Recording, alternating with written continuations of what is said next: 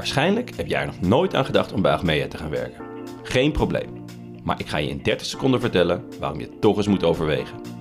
Bij Achmea werk je aan toffe projecten met onverwacht veel impact. Je bouwt apps die het verkeer mobielvrij en veilig houden. Je ontwikkelt diensten om huizen te verduurzamen. Je werkt mee aan zorginnovaties. Of je schaaft aan risicomodellen. Samen met de beste experts. Oh, en had ik al gezegd dat Achmea een 34 uren werkweek heeft? En een onbeperkt opleidingsbudget? En een persoonlijk klimaatbudget van 2500 euro? Niet gek toch? Denk er maar eens over na. Check werkenbijachmea.nl Ja, hallo wetenschapsliefhebbers en welkom in 2023. En wat fijn dat je ook dit jaar weer luistert.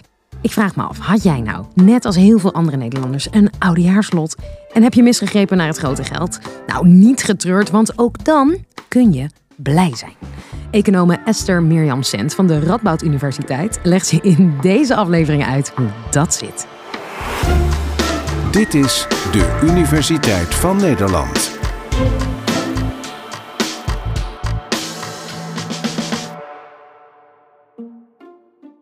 Waarom word je blij van de loterij als je toch niks gaat winnen?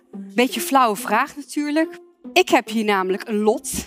Ik heb maar liefst 5 euro gewonnen met dit lot. Joepie, klein probleem. Het lot kostte mij 15 euro. Dus wat ik heb gewonnen is minder dan wat ik ervoor heb betaald. Waarom denken we eigenlijk dat we gelukkig worden van loterijen? Daar heb ik experiment naar gedaan. Ik heb groepen in tweeën verdeeld. Eén groep werd gevraagd: hoe gelukkig ben je? Dan moest je cijfer geven. En de andere groep werd eerst over de oudejaarsloterij doorgezaagd en vervolgens gevraagd: hoe gelukkig ben je?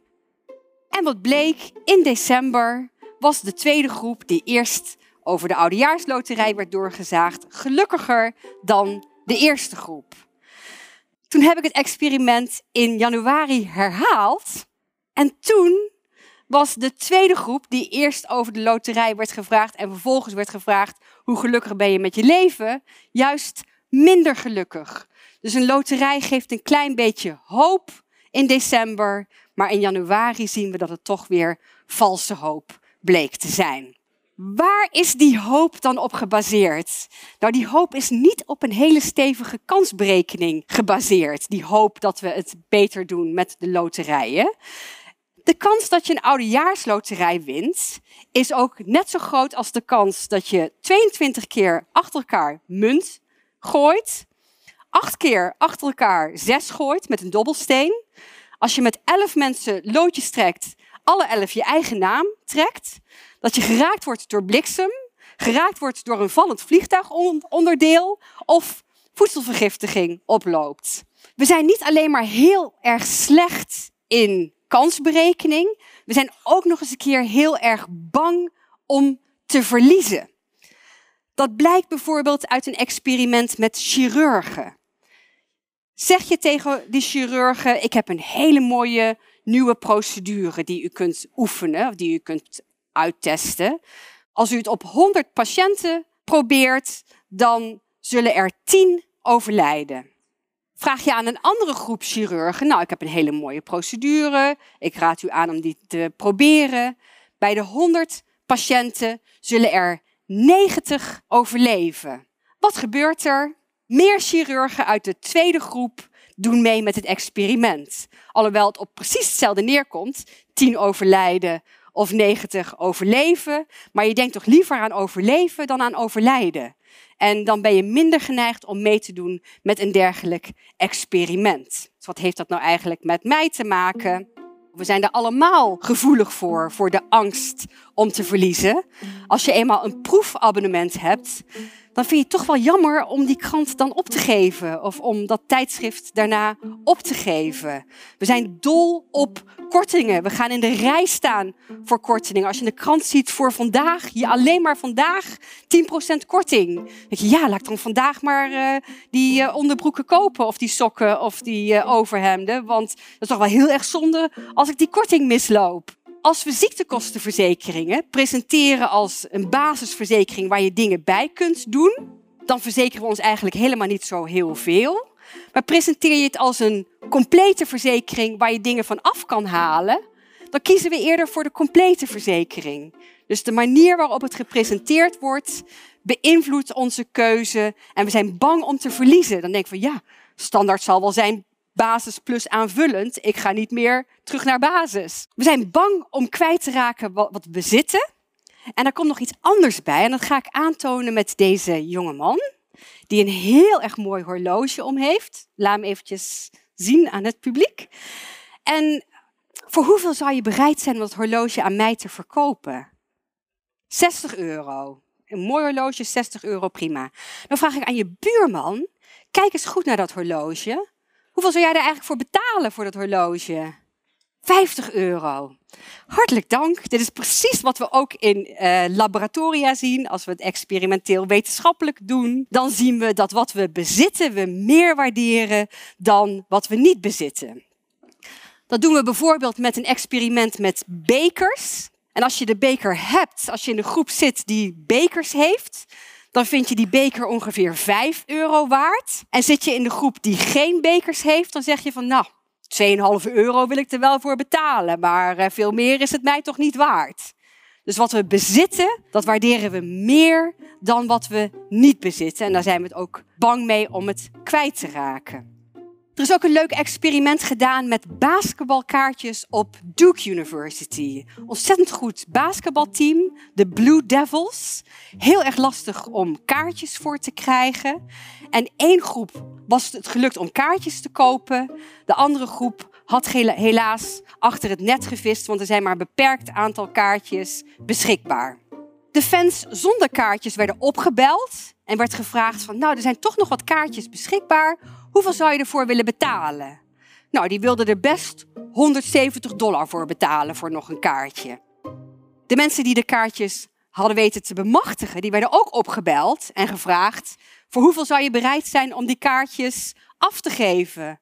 Nou, voor 2400 dollar zouden ze wel bereid zijn om die kaartjes in te leveren. Dus degene die de kaartjes hadden, die waardeerden ze meer dan degene die de kaartjes niet hadden. Wat je hebt, waardeer je meer dan wat je niet hebt. Ik ben recent verhuisd. Ik had wat spulletjes over. Hartstikke mooie lampenset. Ik denk leuk, zet ik op marktplaats. Geen hond die erop biedt. Uiteindelijk is het bij gratisophalen.nl beland. Toen ik mijn huis moest verkopen, dacht ik, nou, uh, dat moet toch wel een aardig prijsje opleveren. Mijn makelaar komt en zegt, ja mevrouw Sent, sorry, uh, zoveel zou ik het toch ook niet uh, voor op in de markt zetten. Dus ik vind het meer waard wat ik heb dan anderen bereid zijn om ervoor te betalen. De vraag is ook, wat is eigenlijk winst en wat is eigenlijk verlies?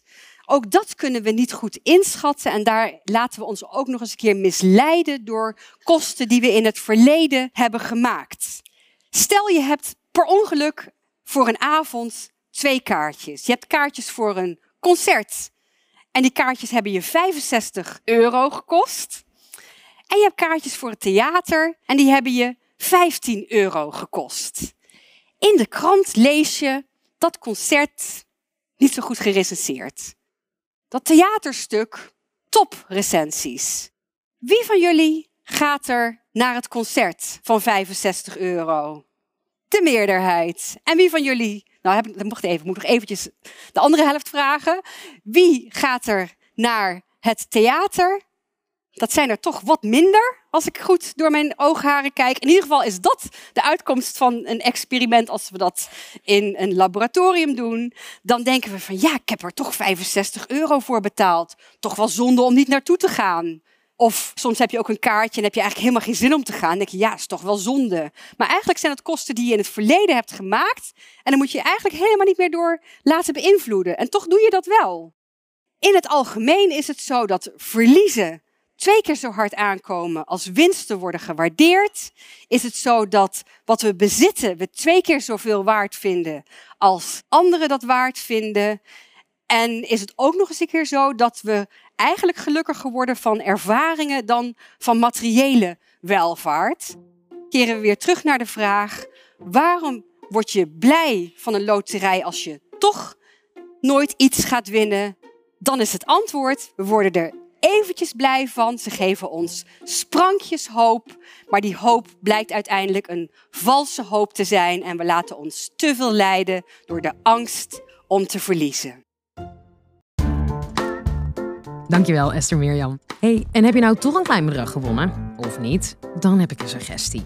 Word vriend van de show! Want al voor 2,50 euro per maand help je ons ook dit jaar weer de allerleukste wetenschapspodcast van Nederland te maken. Als je meer wil weten, check dan even de info in de link in de beschrijving.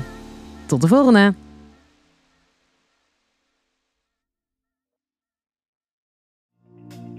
En, heb je er al over nagedacht? Werken bij Achmea betekent werken bij een flexibele werkgever die je de ruimte geeft. Om jezelf te ontwikkelen en om onverwacht veel impact te maken. Check de vacatures op werkenbijachmea.nl